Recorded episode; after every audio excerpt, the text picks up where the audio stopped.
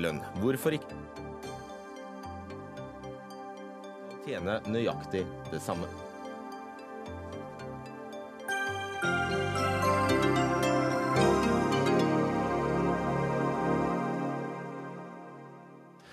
Det er menyen i Dagsnytt 18. Jeg heter Fredrik Solvang. I oktober i fjor slo Riksrevisjonen fast at det er svært alvorlige mangler i politiets og Forsvarets evne til å sikre bygninger og infrastruktur i en trusselsituasjon. Og siden har det jo vært høy temperatur i den offentlige diskusjonen rundt regjeringens evne til å gjennomføre sikkerhetstiltak. Det har vært beskyldninger om manglende oppfølging av Gjørv-kommisjonens rapport etter 22.07, og til og med om sensur av Riksrevisjonen. Og De siste dagene har det vært høring i Stortingets kontroll- og konstitusjonskomité om terrorsikringen. Vi har med oss de viktigste aktørene under denne høringen her i studio i dag for å diskutere hva som har kommet frem. Men først, Per Kristian Foss, riksrevisor. Eh, det var altså i oktober det hele startet med rapporten fra dere. Kan du forklare litt nærmere hva Riksrevisjonen mener er kritikkverdig? Vi undersøkte hvordan det sto til med objektsikringen, altså sikringsstyrker og permanent sikring av eh, ja, Vi har ikke lov til å navngi noen objekter, men det vi kaller objekter kan f.eks. være vitale nasjonale institusjoner, regjeringsbygninger, militære installasjoner, kraftforsyning mv. mv.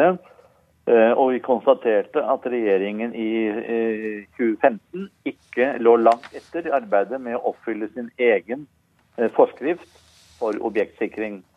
Og at det dessuten sto dårlig til med samarbeidet mellom forsvar og politi på det tidspunkt.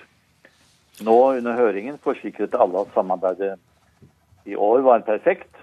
Men vi undersøkte altså hvordan det var i 2015. Og da sto det ikke så godt til. Og det er at det har blitt bedre, men det er noe vi alltid hører. ikke sant. Eh, når du sier at eh, forsvar og politi lå langt etter med å oppfylle sin egen instruks, hva betyr det? Ja, Det betyr at man ikke var blitt enig om arbeidsdelingen i objektsikring og hvem som skulle stå ansvarlig for sikringsstyrker og planleggingen av dette. Så sier man at særlig Forsvaret at ja, der det ikke var planer, var man jo i stand til å, å gjøre noe allikevel. Men litt av poenget er jo at eh, med en forskrift som regjeringen selv fastsetter, er jo at de selv skal følge den. Og i forskriften så sto det også et krav om planverk, og ikke bare improvisasjon. Uh, hva slags sikring snakker vi om? Det, det er eh, nå tilstedeværende statsråd bedre sant, å si om nei. Vi har ikke fått lov til å skrive så mye detaljert om dette offentlig. Men det, det dreier seg både om politiets sikring i første runde og i annen runde kanskje også militære styrker, primært da Heimevernet.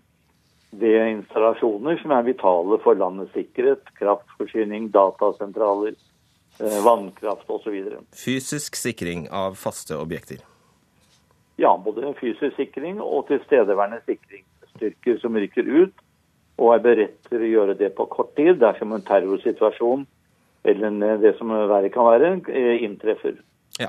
Så kom altså situasjonen der eh, regjeringen ville offentliggjøre sitt eget sammendrag av rapporten, i stedet for det sammendraget du og Riksrevisjonen hadde lagd. Eh, det ville ikke du gå med på. Hvorfor ikke? Fordi det etter vår oppfatning var slik at Forsvarsdepartementet i det utkastet de la på bordet, hadde svekket uh, alvorligheten i de funnene vi hadde gjort. De hadde altså nedtonet uh, ordbruken uh, og gjort det mindre alvorlig. Og de hadde også svekket beskrivelsen av hvem som har ansvaret. F.eks. er det klart at Forsvarsdepartementet, Forsvaret, har jo ansvaret for Heimevernet. Og det er ikke noe Heimevernet selv har ansvaret for, det er en del av Forsvaret. Og da må den ansvarlige, det tilligger Riksrevisjonens instruks, at den ansvarlige må også utpekes. Og Der var det uenighet mellom oss og uh, Forsvarsdepartementet. Og det er det, formoder jeg, fremdeles. Du har jo tidligere i dette studio antydet at du mente dette var på grensen til sensur. Ja, jeg mener at uh, sikkerhetsloven her var brukt på en måte som var mer tjenlig for å forsvare departementets og Forsvarets forsømmelser enn, enn, å forsvare noe som var uh, som gjaldt rikets sikkerhet. Ble du beroliget over det du hørte fra regjeringen i høringen?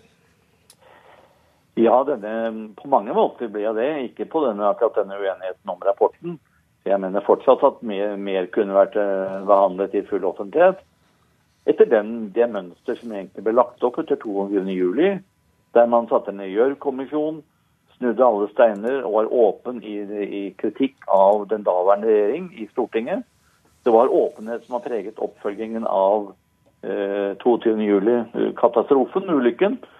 Eh, og det syns jeg fortsatt det burde gjort. Men det er klart jeg var beroliget under høringen, for nå sier jo både politi og forsvar at etter 2015, altså i 2016 og så langt inn i 2017, så er alt blitt mye bedre. Det hører Riksrevisjonen alltid når vi kontrollerer ting. Og det vi da gjør, er å gå tilbake til disse institusjonene og departementene etter tre år og sjekke om det har blitt noe bedre. Og det rapporterer vi også til Stortinget. Ja. Takk skal du ha, Per Kristian Foss, riksrevisor. Martin Kolberg, leder for kontroll- og konstitusjonskomiteen for Arbeiderpartiet. Hva er det ene store og viktigste spørsmålet du ikke har fått svar på etter to dager med høring? I dag har Norges statsminister sagt i Stortinget at uh, Riksrevisjonens rapport er riktig. Og hun har sagt at det er feil, at, eller galt av regjeringen, at de har ført en politikk som uh, er slik at den ikke ikke at de har kommet gått for sakte, og at de ikke har kommet langt nok, og at kvaliteten ikke har vært bra nok. For å sitere henne ganske helt presist. Og da er uh, svaret på ditt spørsmål hvorfor i all verden uh, er det blitt slik? Og det er det vanskelig å få svar på. Da kommer det mange ord. Og eh, fra alle hold, fra statsrådene her, men også fra embetssiden, som egentlig ikke gir svar på dette spørsmålet, som jo er veldig essensielt for oss. Da gjør vi et par forsøk her. Ine Eriksen Søreide, forsvarsminister fra Høyre. Altså bare La det være klart. Vi snakker om alt som skjedde før 2015, da Riksrevisjonen foretok sine undersøkelser, og ikke det som skjedde etter. Hvorfor samarbeidet ikke politi og forsvar tilstrekkelig til at de greide å utføre jobben, nemlig å sikre objektene? For det første så er jo det Riksrevisjonen har undersøkt selve revisjonsåret 2015, altså ikke det som skjedde før. Men det som var situasjonen i 2015, var at eh, bl.a., og det har jo også justisministeren både nåværende og tidligere også fortalt, at politiet ikke meldte inn skjermingsverdige objekter eller objekter de trengte bistand fra Forsvaret til å sikre. Og det gjorde jo også at det tok lengre tid å utvikle planer. Så jeg har jeg også vært inne på at vi hadde Visste du det? Ja, det visste vi, og det var vi klar over, og det jobba vi med i den ordinære etatsstyringa og i samarbeidet mellom departementene. Så jeg har også vært inne på i høringa i dag at vi i 2014 fikk en dramatisk endra sikkerhetspolitisk situasjon som gjorde at eh, Forsvaret var nødt til å oppdatere planverket for forsvaret av Norge og Natos planverk for forsvaret av Norge. Det tok også mye ressurser parallelt med at vi jobba for å utbedre den situasjonen som vi allerede hadde begynt å jobbe med før Riksrevisjonen tok fatt i det. Så da hadde dere ikke tid sagt... og krefter til å gjennomføre Stortingets instruks? Jo, de gjorde det parallelt men det tok noe lengre tid, bl.a. av de årsakene jeg har nevnt. Og så skal vi også legge til at etter den kalde krigens slutt, så ble mye av kompetansen rundt dette bygd ned. Og det tok tid å bygge opp igjen. Så Forsvaret og politiet har jo vært veldig klare på også at det var et mer krevende arbeid, mer tidkrevende og for så vidt også mer kostnadskrevende enn det man i utgangspunktet så for seg da instruksen ble vedtatt i 2012. Men jeg må bare få lov til å si én ting knytta til det riksrevisor sa, uten at jeg skal gå i noen debatt med han. Men det har altså ikke vært uenighet om arbeidsdeling og hvem som sto ansvarlig for sikring med sikringsstyrker.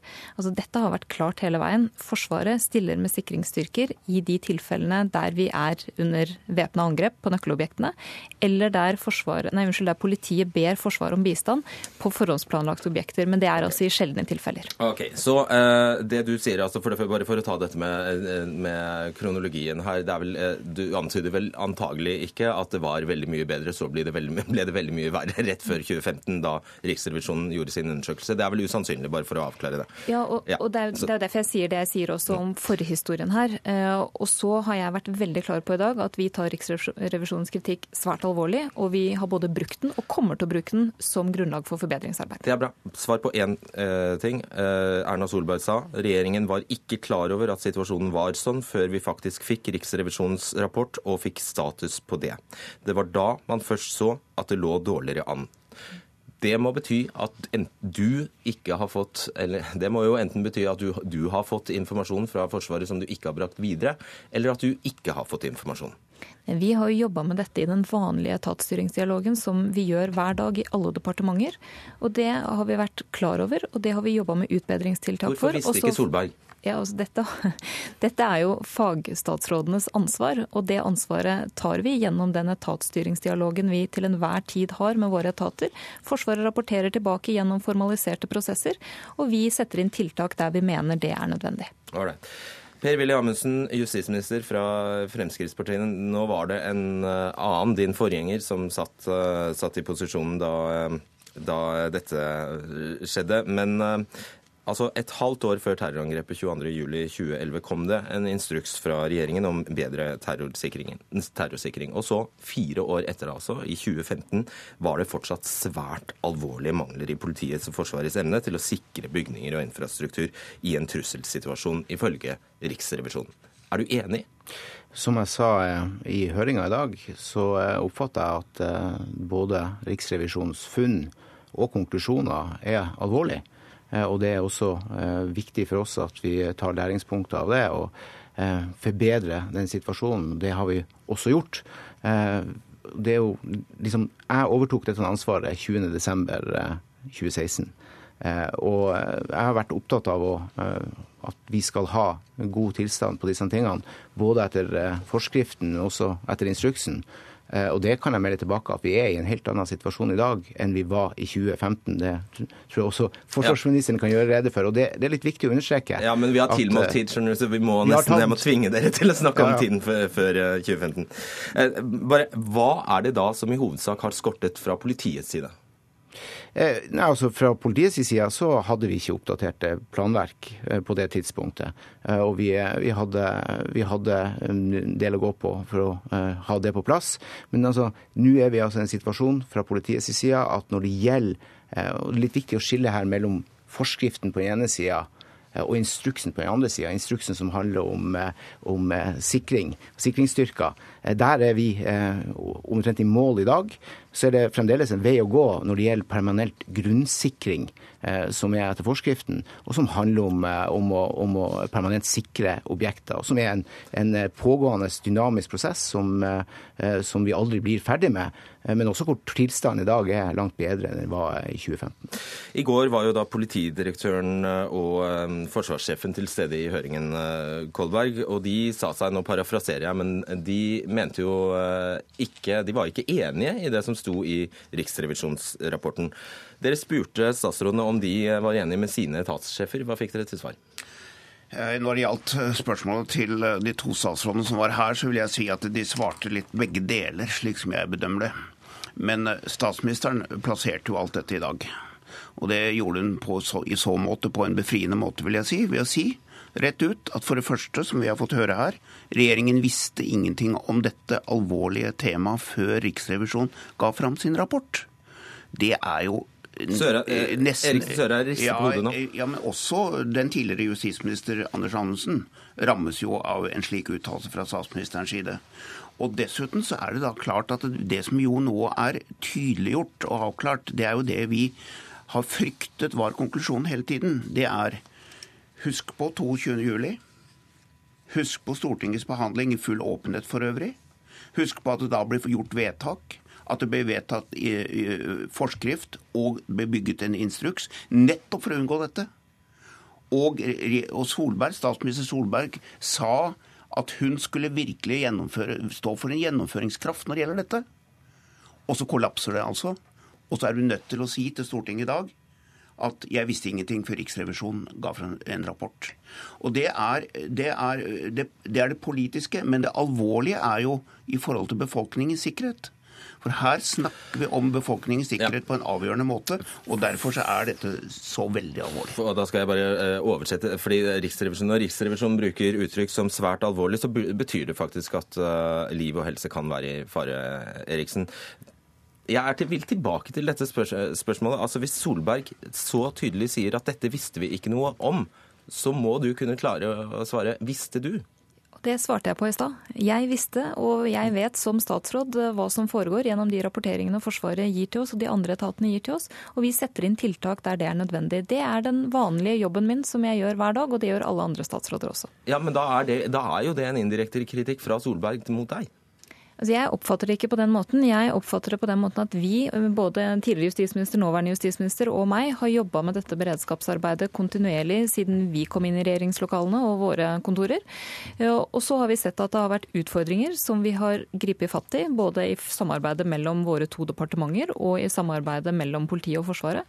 Og Derfor så er jo situasjonen i dag en helt annen. Og jeg mener det er viktig å få fram, også av hensyn til befolkningens sikkerhet som vi snakker om, at det er altså ikke sånn at selv om alle planer ikke foreligger helt i henhold til forskriftene, at det ikke finnes planer for sikring eller evne til sikring. Og Det er et viktig poeng å få fram, sånn at folk ikke går og er bekymra for at det ikke finnes mulighet til å sikre. Jeg, jeg, vil jo bringe inn en annen dimensjon også. og det er at Jeg hører jo at journalister og andre sier til meg at det er vanskelig å få tak i innholdet i høringen. Det er ikke rart. Fordi det henger sammen med at regjeringen også, som var inne på her i starten, har holdt, holder jo en hemmelighetshånd over dette. Og der eh, Forsvarsministeren, som har eh, eiendomsrett til dette, henviser da til sikkerhetslovgivningen. Nå må du forklare, for eh, nå, må, nå brakte du et veldig nytt uh, tema på banen. Nå må, må, du forklare ja. hva det dreier seg om. Ja, Det dreier seg om at uh, forsvarsministeren mener at en rekke av disse opplysningene, hvis de kom frem med offentligheten, vil skade landets sikkerhet. Det er det hun mener. Så har vi alle lest dette sammendraget som da riksrevisoren viser til, som hun nekter å offentliggjøre. Og det står ingenting i der som kunne være et problem. Og det er en stort okay. demokratisk problem, i tillegg til realiteten i denne saken, at regjeringen ikke er villig til å offentliggjøre dette sammendraget, som ikke ville skade noen. For det står ikke noe annet der enn det står i den åpne delen. Og Det er derfor jeg presiserer dette så veldig nøye. at Greit. I tillegg til realiteten så er det et demokratisk underskudd i denne saken. Bare for å, altså hvis, hvis det skulle være eh, og nå er, Ja, det, det skal vi få svare. Helt hypotetisk, da. Jeg tror det mange kan lure på, er om La oss si at eh, drikkevannskilden til Oslo eh, ble ødelagt samtidig som du fikk Altså, det gikk av en bombe på en oljeplattform, samtidig som Nidarosdomen ble sprengt. Alt dette skjedde samtidig. Tror du ikke folk lurer på er det der, altså når du sier at det ikke foreligger Eller altså når, når, når, det påpekes at, at, det ikke finnes planer, eller når det ikke finnes sikring Det finnes jo planer i massevis. Ja, greit, det var akkurat sånn det var. Mm. Det finnes planer, men det ikke er sikring på alle steder. Vil man kunne sikre tre sånne objekter på én gang? Ja, det vil man. Okay. Og dette er jo fordi at det både er en politioppgave, og Forsvaret bistår der politiet ber om det. Og vi har også ansvar for noen såkalte nøkkelobjekter, eh, som eh, jeg ikke her selvfølgelig skal fortelle mer om, om hvilke objekter er. Men eh, poenget er at hvis det skjedde samtidig, så ville vi være i stand til å sikre det. Og, ja, og så skal, bare, du skal få slippe til, Amundsen, men hvorfor kan du ikke bare offentliggjøre de, de, den delrapporten, eller det sammendraget som Riksrevisjonen har skrevet? Ja, Det ville jo vært helt klart det mest bekvemme å gjøre det. Men jeg har altså et ansvar for at vi etter sikkerhetsloven behandler eh, opplysninger på en sånn måte at eh, det ikke kan skade vår sikkerhet hvis det kommer ut. Og det vi skal huske på i denne sammenheng, er at Stortinget og Riksrevisjonen har hatt full tilgang til alle rapporter og all informasjon, og offentligheten har fått et ugradert sammendrag. Så spørsmålet her var jo om det skulle lages ytterligere et ugradert sammendrag. Jeg mener at det har vært viktig for den offentlige debatten at denne kritikken har vært offentlig. Det er grunnen til at vi har sittet nå i to dager i en åpen høring i Stortinget, og det mener jeg har vært bra. Strengt tatt så, så vet ikke vi hva vi snakker om. Jo, altså Det er jo bare å gå inn og lese dokument 1 fra Riksrevisjonen, så, så, vet man det. Og der kommer kritikken fram i veldig tydelige ordelag, og den tar vi veldig alvorlig. Men jeg, jeg er nødt til å minne om også Men det er jo da Per Kristian Foss, din egen partikollega til og med i lokallaget i Oslo, som, som da gjør en dårlig vurdering, mener du? Jeg har ikke sagt noe om Riksrevisjonens vurderinger. Det er heller ikke Riksrevisjonen som har myndighet til å vurdere graderingsnivå. Det er det informasjonseier som har, og det er Forsvarsdepartementet. Men han mener det er greit? Jeg vil gjerne si noe om dette. Ja, kjempekort, så Anders. Ja, kjempekort. kjempekort er å si at det er Riksrevisjon kollegium, altså de fem personene som Stortinget velger, som har sagt enstemmig, og det er representant for alle partier, at denne, dette sammendraget bør og skal bør eh, offentliggjøres. Ja. Og det å skyve sikkerhetslovgivningen foran seg på den måten som statsråden gjør nå, det, det mener altså jeg ikke okay, er riktig. Ok, Amundsen. Jeg, jeg, stiller litt spørsmålstegn med hvorvidt det at man omtalte eh, enkelte objekt i klar, klartekst eh, og var mer konkret i denne informasjonen, hvorvidt det hadde bidratt til å opplyse den høringa som har vært i går og i dag. Er det det som står der? Og, håper å si, den type informasjon som, som er av gradert karakter. Problemstillinga har jo i høyeste grad vært oppe i denne høringa. Så tenker jeg at det er en vurdering som gjøres av informasjonseier. Og det er altså en faglig vurdering som Forsvarsdepartementet har gjort. Det er ikke en politisk vurdering, dette. Det tror jeg forsvarsministeren kan støtte meg i.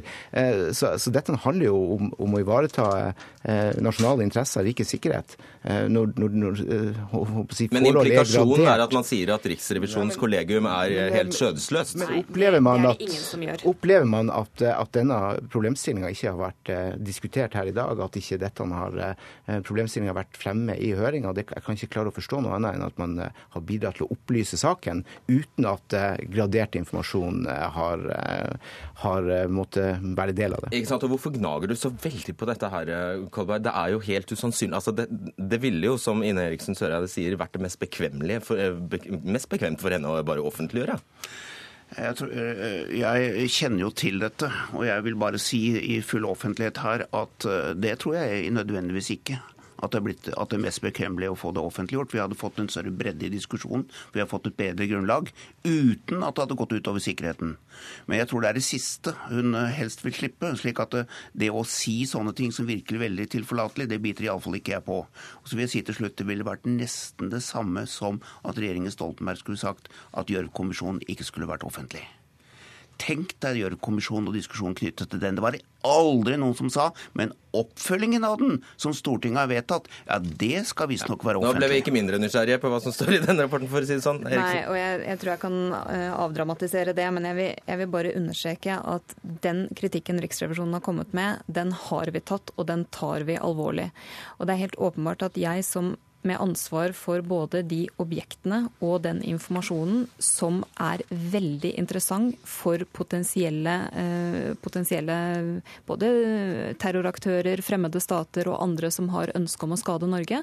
Det er klart at Jeg har et ansvar for å sørge for at en sånn type informasjon ikke kommer ut. Jeg mener likevel at saken i dag og i går har vært veldig godt belyst. Og jeg mener også at den diskusjonen vi har hatt, har vært veldig viktig og nyttig for det videre forbedringsarbeidet som vi kommer til å gjøre. Kolberg antyder til slutt, eh, Amundsen, er jo at det kan være innhold i denne graderte biten av eh, rapporten som setter regjeringens arbeid i et dårligere lys enn, den, enn til nå. Det tror jeg ikke det er noe fundament for å mene. Men så tror jeg det er litt viktig altså av hensyn til å opplyse eh, folk flest der ute som følger denne diskusjonen, at eh, beredskapen generelt sett aldri har vært bedre i Norge enn den er i dag. Når det er snakk om oppfølginga av beredskapspunktene etter 22.07, eh, lærdommen fra, fra, det, eh, så har vi gjennomført svært mange av de punktene. Vi er kommet langt. Vi har styrka beredskapen i Norge. Det har vært prioritert økonomisk, mannskapsmessig, og vi leverer i okay, høyeste ja. grad på et område. Men det er viktig å være klar over når man diskuterer en del, en viktig del av beredskapen, men tross alt en del av den bare en bitte liten ting. og det er at Når vi nå styrker den operative evnen til Forsvaret så mye som vi gjør gjennom en historisk satsing på Forsvaret i langtidsplanen, så bidrar det også til å bedre samfunnssikkerheten. Og vi har lagt spesielt vekt på det i langtidsplanen i et helt eget kapittel. Ja, Da må du også du få lov. Fem sekunder. Ja, fem sekunder å si at eh, vi kan slå fast at Norges statsminister har i dag innrømt overfor Stortinget at dette skulle vært gjort helt annerledes. Ja, men da har du sagt. Det. Takk. Per Kristian Foss eh, først. Ine Eriksen Søreide, Per-Willy Amundsen og Martin Kolberg.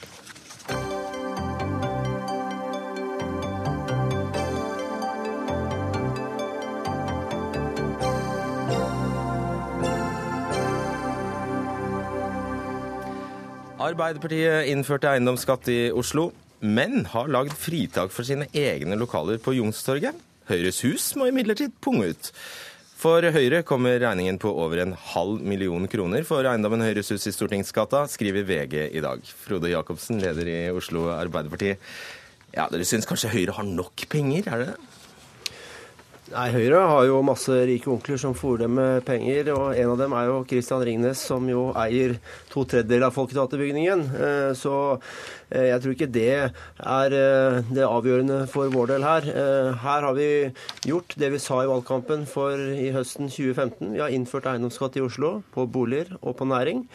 Eh, og det er gitt unntak for en del eiendommer når det gjelder næring. Det er skoler, det er barnehager, det er sykehjem, det er uh, sykehus og en del idrettsanlegg. Og Hvorfor slipper Folketeaterbygningen? Fordi den er fredet. Eh, og det er også det siste punktet er en del fredede eiendommer. Og det gjelder alle fredede eiendommer i Oslo. Det er ca. 50 stykker som er på en sånn fredningsbestemmelse. Eh, så her syns jeg det er greit at vi har likhet. Eh, og at alle de eiendommene behandles under ett. Det er jo ingen det er 365 kommuner har eiendomsskatt, Oslo er en av dem. Eh, og Det er fordi vi har ikke en pervers glede av å skattlegge verken næring eller folk flest så mye, men vi ønsker å skaffe mer penger til fellesskapet for å få flere barnehager, bedre eldreomsorg og flere lærere. Øystein Sundlin, nestleder i Oslo Høyre. Dere var fag jaggu meg med på denne foreningen av Youngstorget i 2009. Så da, kan du, da er du i hvert fall ikke her for å klage, vel? Ikke på at den er fredet, nei. Men eh, jeg kan klage først og fremst på at eiendomsskatt er innført. For eh, mitt svar på at det er eiendomsskatt, er jo at jeg vil ha null kroner eiendomsskatt for alle, eh, også eh, Arbeiderpartiets hovedkontor på Youngstorget.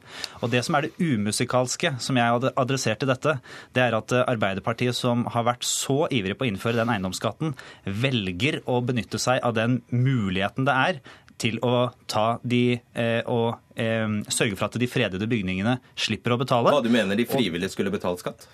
Vet du hva, Hvis jeg skulle gitt dem et godt PR-tips akkurat nå, så hadde jeg sagt finn frem sjekkheftet og betal dere også. Det tror jeg kunne vært ganske klokt når man først er i den situasjonen her. Fordi det er så umusikalsk at man krever det inn fra så mange andre rundt i byen, og så hopper man over seg selv. For i hvert fall oppslag i VG og en god del oppmerksomhet rundt det, Frode Jacobsen. Det hadde jo, Når dere først kaller denne eiendomsskatten en dugnad, så hadde det tatt seg finere ut, kanskje, om Arbeiderpartiet frivillig betalt litt? Ja, det kan man jo gjerne si, men poenget her er jo at eh, det er en grunn til at fredede eiendommer er fritatt. Høyre foreslo på Stortinget i 2014 en endring i loven for man må gjøre det. Eh, Høyre i Trondheim foreslått at man skal endre reglene der til å ha, ha fredede eiendommer fritatt. Vi har gjort det samme som i Bergen. Det sa jo valgkampen. Vi gjør det samme som i Bergen. Monica Mæland innførte eiendomsskatt der. Fredede eiendommer var unntatt. Det gjorde vi også i Oslo. Så jeg tror at eh, Og det er gode grunner til det. Riks, Riksantikvaren har bedt alle norske kommuner om å frita eh, bernede bygg for eiendomsskatt. Og det er fordi det finnes gode grunner i forhold til at det er økte vedlikeholdsutgifter. Dere, da lar vi den, den biten av debatten ligge, og så går vi over til neste. For Kunstnernes hus står på gul liste hos Byantikvaren og har dermed ikke varig vern, så dere slapp ikke helt unna. Eh, dere er en av kulturinstitusjonene som har fått et skattekrav, og det er ikke så rent lite. 200 000, er det det? Mm. Ingvild eh, Færøy, du er styreleder i Kunstnernes eh, hus. 200 000 kroner, hvor mye penger er det sett opp mot hvor mye dere får i kommunalt eller i tilskudd, offentlig tilskudd? Ja, vi, fikk, vi, har fått 150 000 helt frem til 2016, og fikk i 2017 et løft til 450 000, som da, da blir halvert, kan du si. Så nå går halvparten av det offentlige tilskuddet til skatt? Ja. Ok. Hva gjør dere da? Nei, Da må vi tenke oss om. Da må vi omdisponere. Eh, dette var jo ikke planlagt og ikke budsjettert, så da blir det enten å kutte i utstillingsbudsjettet, eh, hvilket vil, vil si da at en fjerdedel av utstillingsbudsjettet blir eh, minsket eller blir kuttet. Og, eller vi kan velge å la være å ta vare på bygningen vår, som vi også er pålagt, og som har kulturhistorisk verdi. Men dere er vel med på denne dugnaden? Eh, vi, om vi er med på For flere barnehager og flere sykehjemsplasser? Ja, jeg, jeg føler ikke at vi er, skal settes opp mot eh, dem. Det er på en måte ikke vår oppgave. Det er ikke jeg som gjør det. Men du er vel med på dugnaden? Det spør jeg. Altså, betaler, imot, dere betaler vel deres skatt med glede? Vi betaler skatt med glede, men ikke på dette. Dette blir litt misforstått. Ja, det er jo litt rart da, Frode Jacobsen. Nei, Det er bra at dette kommer opp, fordi eh, det, det er riktige unntak som er gitt i den forskriften som bystyret har vedtatt. Men det åpnes opp også for at bystyret kan innvilge fritak etter søknad. Så jeg vil oppfordre Kunstnernes hus, jeg skjønner at dere har gjort det allerede, om å søke fritak. For det gir, loven gir kommunen adgang til å gi fritak for ideelle organisasjoner og andre som har virksomhet som gagner kommunen. Som gagner kommunen? Ja, det vil jeg mene at kulturlokaler er, enten er Kunstnernes hus eller det er andre utstillingslokaler eller teaterscener for den saks skyld. Så her, her, oppfordrer vi flest mulig til å søke. Jeg kan si at Søknadsfristen er 11. april, og man kan gå inn på Oslo kommunes eh, hjemmesider og finne, finne grunnlaget for å søke der. Så skal vi gi dette en uh, god behandling i bystyret. Så bare de som sitter med en eiendom som de vet ikke gagner kommunen, de kan la være? Nei, jeg tror ikke hoteller og Sten og Strøm og Oslo City gagner ikke kommunen, eh, gavner ikke kommunen i den forstand som jeg tror det er en rimelig oppfatning av at kunstnere hus gjør, eller Det Norske Teater, eller hvem du nå måtte ønske å trekke fram. Jeg tror ikke okay, vi skal teater, gjøre det vanskeligere enn vi trenger, Hvis du er et hotell, så gagner du ikke? Ikke på samme måte, nei. Da driver du næringsvirksomhet. Jeg tror ikke okay, Kunstnernes hus driver næringsvirksomhet i samme måte. Nei, nettopp. Skal du søke? Vi har allerede søkt om eh, fritak, ja det har vi. Ok, så, ja. Eh, Sundlin, eh, ja, hva sier du til det? Nei, jeg hørte Frode Jacobsen sa i sted at barnehager bl.a. har fått unntak. Det gjelder jo de kommunale barnehager, som alle andre Oslo kommunes egne tomter. Det ville jo i så fall vært en sirkulering av penger, så det spiller ingen rolle å fakturere seg selv. Men de private barnehagene der ute sitter jo nå alle med en faktura fra kommunen. Noen av dem på ganske store eh, fakturaer. Det kan være eh, aktører innenfor helse, enten det er legesenter eller sykehjem eller sykehus som sitter eh, nå med en stor eiendomsskattfaktura. Eh, og det kan være rehabiliteringssenter, dagsentre, eh, bo, boliger for funksjonshemmede. Det er mange som nå sitter med en eiendomsskattfaktura. Og så skal vi begynne med en diskusjon om hva som gagner kommunen eller ikke gagner kommunen. Jeg er ganske overbevist om at mange av de som sitter på den fakturaen nå, de mener at de gagner kommunen. Jeg mener at de gagner kommunen, men Frode Jacobsen kommer ikke til å gi alle disse fritak Hvorfor gagner dere kommunen, Ingvild Færøy? Nei, altså vi, eh, Kunstnernes hus ble opprettet av kunstnere i 1930 etter en innsamlingsaksjon eh, for å skape et, eh, et visningssted for kunst, samtidskunst, til, til befolkningen. Og vi, vi, mener jo at vi driver det. Vi driver et bredt tilbud med arrangementer. 200 arrangementer hadde vi i 2015. Og vi har, hadde 105 besøkende. Så jeg føler at vi har et grunnlag for å si at vi driver med At vi gagner befolkningen. det er sikkert ganske mange andre som også vil påberope seg det. Så hvor mange, hvor mange saksbehandlere har du tenkt å ansette, Frode Jacobsen? For la oss si du får mange hundre tusen sånne dispensasjonssøknader?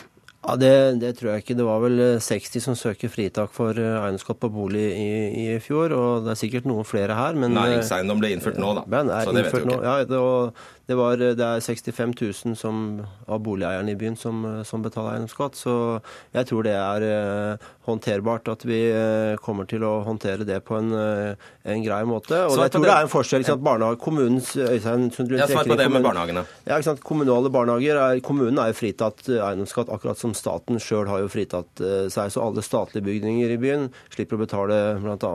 dette huset vi Men alle, nå sitter i. Da må jo det gjelde for alle som mottar offentlig tilskudd òg, hvis ikke så blir det for det samme, det er, samme problem? Det går grenser på om du tar utbytte eller ikke, og der ligger en sånn grenselading inn mot ideelle, som Kirkens Bymisjon og andre som driver ideelle barnehager eller rusinstitusjoner og sånn, eh, eh, vil lettere kunne få fritak enn kommersielle virksomheter som type Volvat eller andre, andre eksempler som Øystein trekte Vi må rekke litt eh, om, om, skatten på vanlige boliger også. Altså Kun to av ti skulle betale eiendomsskatt i Oslo, sa dere i Arbeiderpartiet. og Eh, da dere ville innføre denne skatten foran valget i 2015. I inneværende år vil nesten tre av ti betale, og det tallet vil trolig bare stige og stige og stige.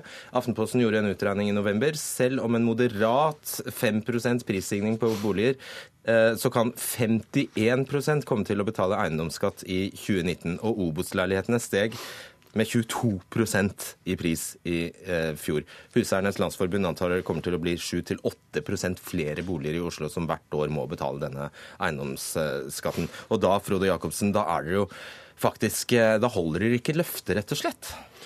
I valgkampen 2015 så sa vi at eh, vi skal innføre en moderat eiendomsskatt med et høyt bunnfradrag. Det har vi gjort.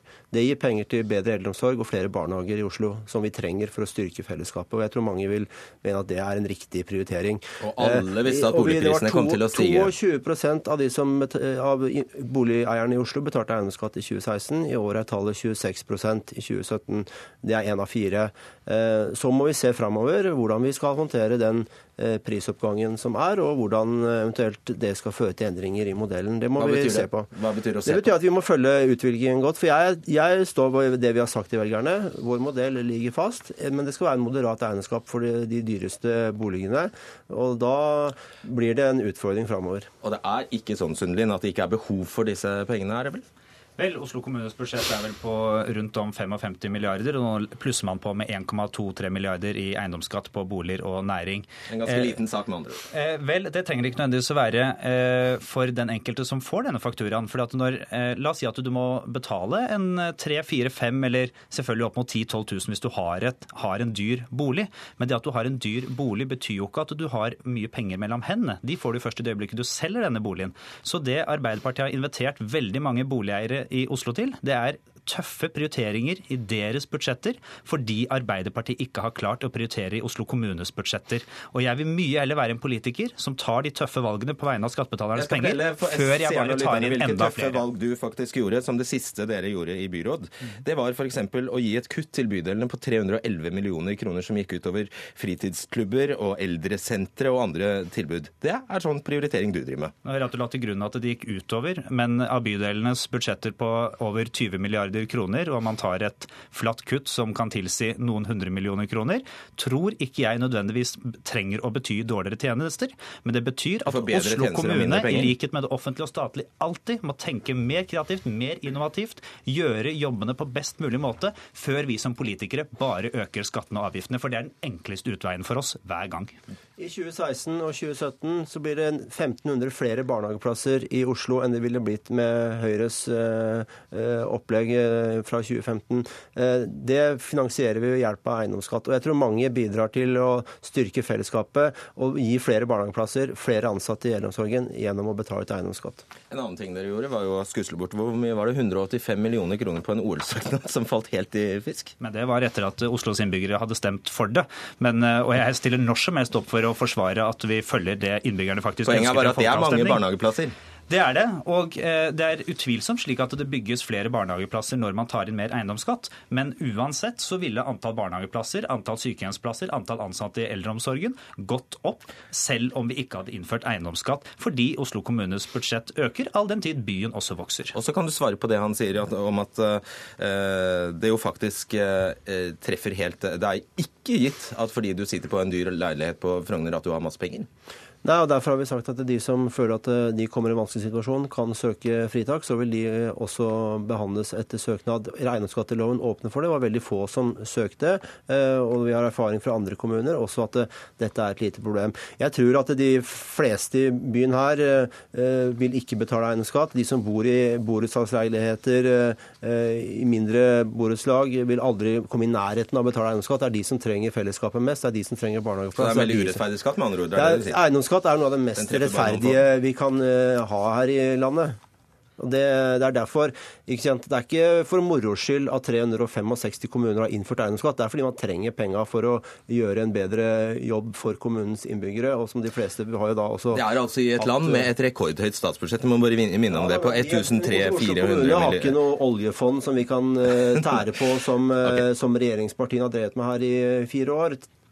OK, avslutt. Selvfølgelig er det slik at mange kommuner tar inn eiendomsskatt fordi de ikke heller klarer å prioritere sine, sine budsjetter. Og jeg vil også understreke velferd skapes ikke bare over de offentlige budsjettene. Det skapes også hjemme hos de familiene som nå blir fratatt penger for å betale eiendomsskatt. De kan også generere sin egen velferd til beste for seg og sine. Takk skal dere ha. Ingvild Farøy, Frode Jacobsen og Øystein Sundin.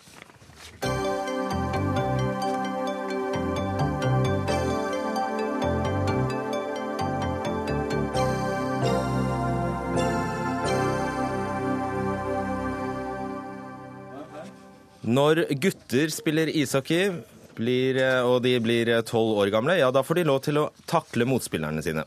Men det får ikke jentene, skriver Aftenposten. Vil det da si at jentene er så mye skjørere enn guttene at de må beskyttes mer? Kanutte Fladeby, du er ishockeyspiller på Vålerenga damer elite. Eh, bare for, for sånn at vi skal skjønne hva vi snakker om her, kan jeg be deg om å vise, eh, vise hva en takling er? Hvis du, Ottar Eide, generalsekretær i Norges eh, ishockeyforbund, og dere, dere reiser dere opp, og så viser dere oss bare hva en hvordan, bare ta, ta dere hodetelefonene. Så viser dere oss hva en eh, takling er for noe. Det er jo så å si sånn. Ok? Ja. Hardt, da. Hardt, da. Sånn. Det er en takling. Det er en dytt, da, egentlig. Ja. Ok. Eller, ja. Kan det være hardere òg? Det kan være hardere, ja. Ja. Det er det det egentlig er. At det skal Ofte. Ofte hardere, ja. Ok, hva, hva er absolutt ikke lov, da? Du har ikke lov til å ta f.eks. sånn. Det er en regel både for gutter og jenter. At det er Altså å slå, på en ja, måte? ta køllen fram og ta sånn det kalles en krysstakling, da. Det er ikke lov eh, i noen av eh, sportene, holdt jeg på å si, i, i både for jenter og for gutter. Ok, Takk for demonstrasjonen. Altså, Du spiller da i Eliteserien for kvinner. Eh, hva skjer hvis du ja, skulle komme i skade for å takle, da? Da du får jo en utvisning for det første hvis du takler inn. Det er jo ikke lov eh, i damehockey. Og det er ikke akkurat eh, Ja, man blir vel kanskje ikke akkurat veldig skadet av å få en takling i damehockey, eh, som jeg vet om. Mm, det er det vi skal diskutere. Ottar Eide, generalsekretær som sagt i, i Ishockeyforbundet. Altså, hva, hvorfor får ikke jenter over tolv år takle? Nei, Det er jo en internasjonal regel eh, som har eh, historie, eller langt tilbake i historien, som eh, vel antakeligvis var når eh, og USA, eh, når man begynte å utvikle ishockeyen, og jentene begynte å spille, eller kvinnene begynte å spille, så var de så veldig gode. Eh, og for at det skulle bli mer likt med de nye landene som kom, så innførte man én regel, og det var akkurat sånn som vi har på veteranhockey for menn, så er det heller ikke lov til å takle. For det da er mer spillet, eh, det åpne spillet, som, eh, som eh, man bruker. Og etter det så har det også vært da en regel som, har, som er den eneste regelen, bortsett fra hva man har foran ansiktet, den eneste regelen som er annerledes for kvinner enn for, for menn. Så det er en fysisk begrunnelse. Ja, det, nei, det var altså fysisk eh, mellom kvinnene fordi at de hadde Det ene, de, ene, de to landene var så utrolig mye bedre enn de andre. Så var det da en av forklaringene på det den gangen. Og så var det nok. Og så tror jeg at man som kvinne ikke skulle takle den gangen. Så var det mer sånn medisinsk også. Men det, det er bare mer en antakelse jeg har av det. Hva er det du vil, Fladeby? Jeg vil eh, veldig gjerne at eh, vi må gjøre noe med denne regelen. Jeg forstår at det er en internasjonal regel, men eh, jeg syns at det stopper ganske mye av spillet når du ikke får eh, være litt fysisk. Eh, det blir en liten ufordel, i hvert fall når veldig mange jenter spiller med gutter nå til dags. Og som sagt, vi, altså, jenter spiller mot jenter, hvorfor skal det ikke være lov da? Tenker jeg, da. Ja, Eide. Nei, jeg, jeg, jeg forstår jo eh, hvorfor, hvorfor noen mener at det er sånn. Eh, vi har ikke per i dag noe, eh, tatt opp dette internasjonalt. Det er ikke noe tema internasjonalt. Det har vært, eh, det har vært målinger blant de damelandslagsspillerne på A-landslagsnivå i, altså i AVM for noen år siden, som eh, var, hvor man spurte om disse, de ønsket å endre regelen. Men da var det spillerne som ikke ønsket å endre regelen. Ja, men det er jo ikke noe i veien for å innføre det i Norge, og så bare tilpasser de seg når de skal ut og Jo. spille kamp i verden. Nei, men det er det du ikke gjør. For hvis du venner deg til å spille ett type spill i Norge, og så skal du spille ute i verden I andre land så reiser nordmenn til, eh, mange spillere til Sverige for å spille, så vil de møte en helt annen type spill, og dermed så er det ikke sikkert at de lykkes. Og hvis vi skal være god som nasjon på, på prestasjonsnivå, så må vi ha samme regler som de har i de andre landene. Men det betyr ikke det samme som at ikke dette kommer til å skje en eller annen gang framover. Ser du det poenget? Ja, jeg ser poenget. Eh, Men eh, som tidligere, jeg har spilt en del internasjonalt, eh, og da har det vært mye mer fysisk spill enn det er i Norge. Og ja, det er samme reglene, men jeg tror kanskje at dommerne eventuelt da ser på De har et litt annet perspektiv da på hva som er lov og ikke lov når det kommer til, til taklingene generelt sett. da. Hva betyr det at de ser mellom fingrene, eller? Uh, nei, at det blir på en måte Når du, når du takler, da, så lar de det gå istedenfor at de blåser av spillet. Uh, I hvert fall at nivået uh, blir litt høyere på den type sett da, av dommerne lar ting gå. At man er for pirkete i Norge? Ja. Ok, Ja, kan det noe det det? kan godt hende at det er helt riktig. og Det er jo i ligaer hvor spillet går fortere, hvor det er høyere nivå på kvaliteten også, så, så, så er også dommerne på et annet nivå, og de, de tillater det. Men det viktige da er jo at de behandler alle likt, og at de har en grense som er, er universell. Og for oss, da, bare for å ta det, det også, så er det jo vi er jo vi er veldig opptatt av eh, altså Dette blir fort en sånn eh, kvinner, ikke kvinne mot mann. Eh, så hva er lov for og Ja, hva det er ikke jo lov? en gang Det- forskjellige regler, Ja. Ja, men, men samtidig så ser vi vi har mye større utfordringer med ishockeyen i Norge. Det er nettopp at kvinnene eller jentene ikke blir tatt seriøst nok i alle klubber. At ikke de får innpass i alle klubber. At eh, vi skal ha en større jenterekruttering. Og da, er det, da må man velge hvilke kamper man skal ta.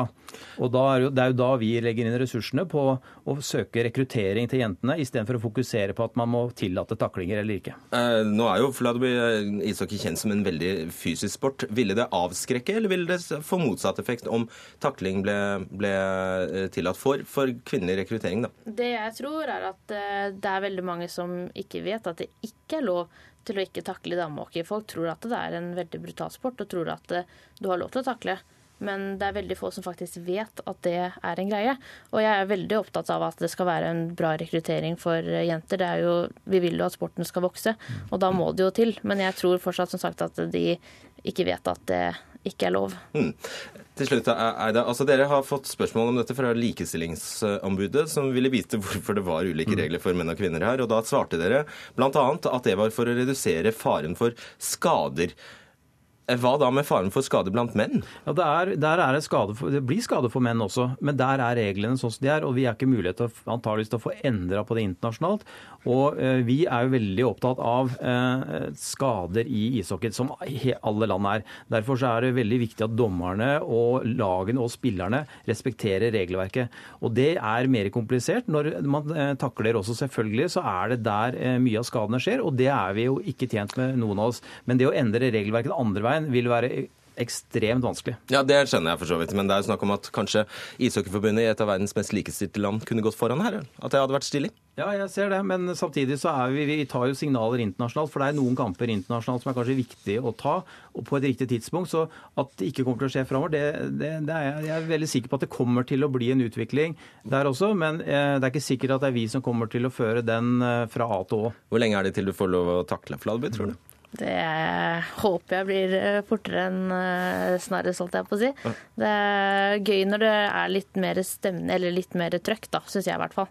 Det blir mer spill av det, og du får ut litt aggresjon, uten på en, ikke på en negativ måte, da. Ikke sant. Ja. Takk skal dere ha. Kanet eh, Fladby og Ottar Eide.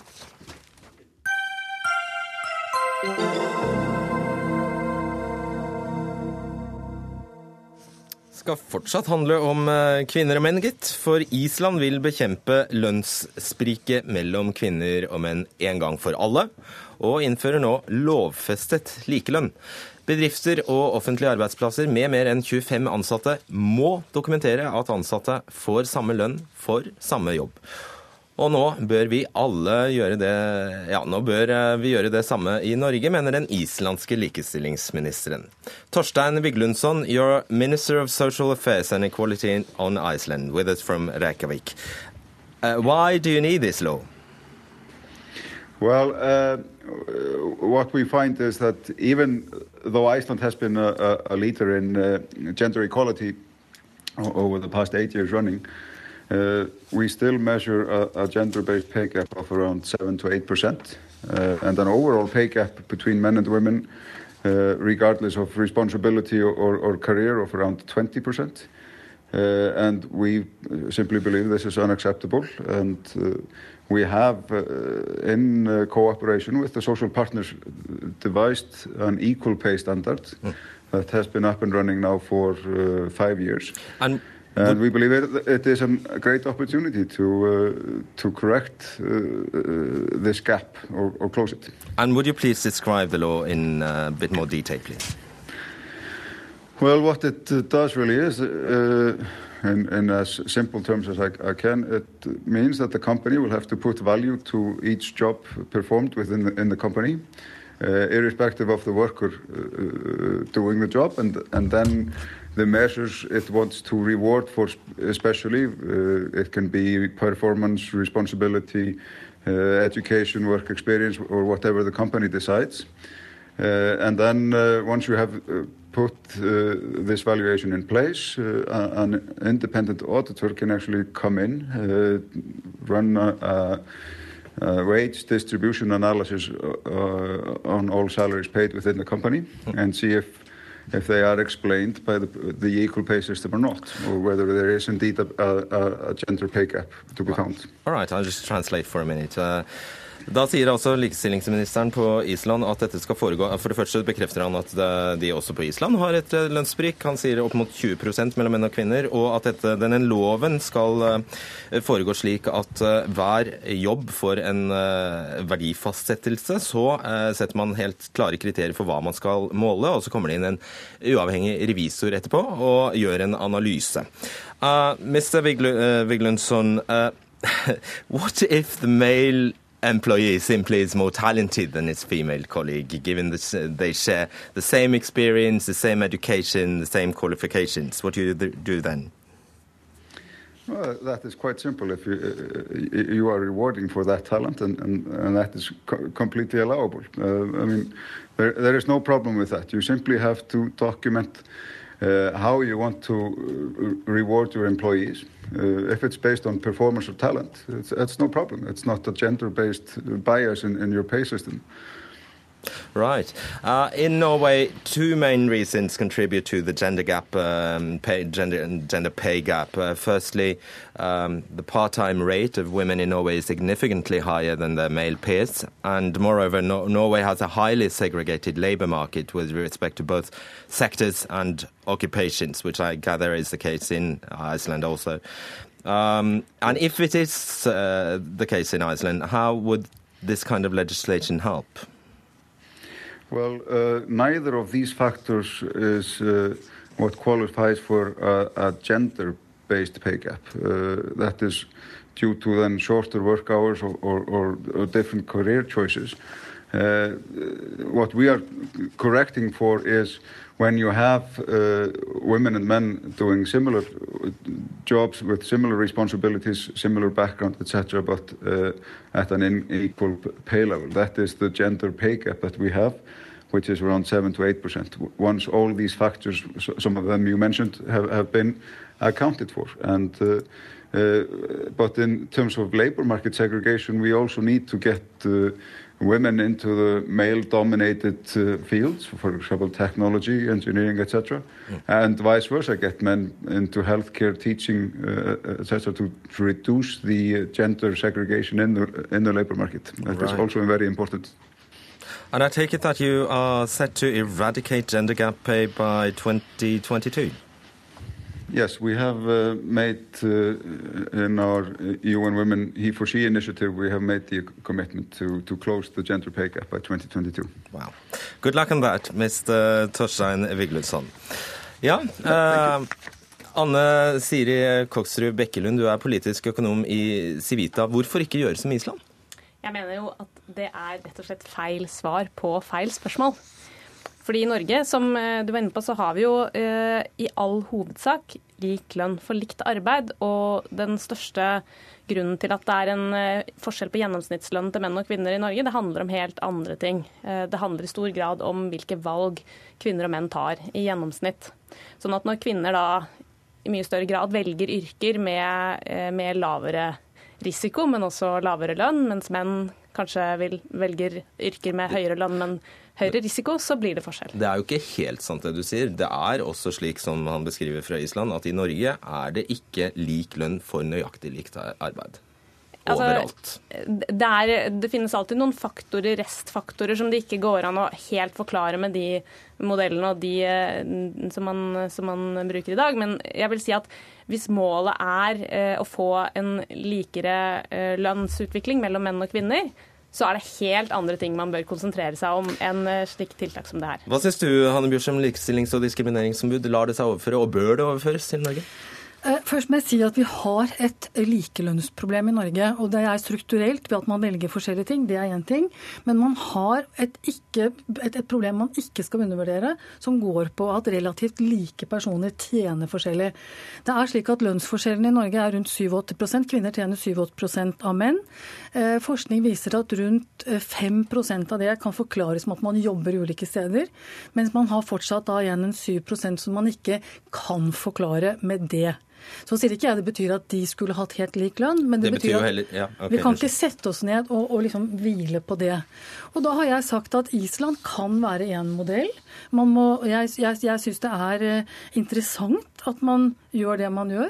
Jeg vil aldri si at man skal overføre dette direkte, fordi at det må passe inn i et, et arbeidsmarked og system. Men jeg, jeg syns det er veldig beklagelig hvis man bare avviser en sånn tanke. Vi har jo et veldig nylig Statistisk sentralbyrå kom med interessante tall her forleden. eh, Bekkelund. Altså Innen finansierings- og forsikringsvirksomhet er eh, kvinnenes gjennomsnittlige månedslønn bare 69% av mennenes. Der må man formode at de stort sett har samme jobb. Altså det, det er jo ikke godt å si hva slags jobb de har. Jeg tror nok også der at du vil se at det er de som søker de mest risikofylte jobbene, at det er menn, og det også er de med høyest lønn. Eh, sånn at jeg jeg tror, jeg, jeg tror, også at eh, de prosenttallene som Bjurstrøm refererer til, jeg tror vel også det er før man har regna inn verdien av f.eks. pensjon, før man har trukket fra skatt og lagt til omfordeling. Sånn at bildet ser nok litt annerledes ut også eh, til slutt, for å si det sånn. Eh, ja. La meg stille motsatt eh, spørsmål. Hva skader det? Hva hadde en sånn lov skadet? Ja, Det kan jo f.eks. Eh, virke mot sin hensikt ved at dette blir et slags sånn godkjentstempel for de bedriftene som da får denne attesten på at eh, her, her, eh, hos oss så har alle den samme bonus- og provisjonsordningen, uten at de kanskje tar tak i det som virkelig er de, kanskje de strukturelle utfordringene med tilpasning. Og det bekreftet jo likestillingsministeren på Island, Hanne Bjørsum, at dette tar ikke tak i de strukturelle problemene vi har i Norge. Jeg syns han svarte helt strålende på alle disse tingene, men bare lyst til å si jeg er litt, jeg det, jeg er litt sånn overrasket hvorfor man, ikke kan, hvorfor man må si at det er eh, sannsynligvis ulike karrierevalg og risiko.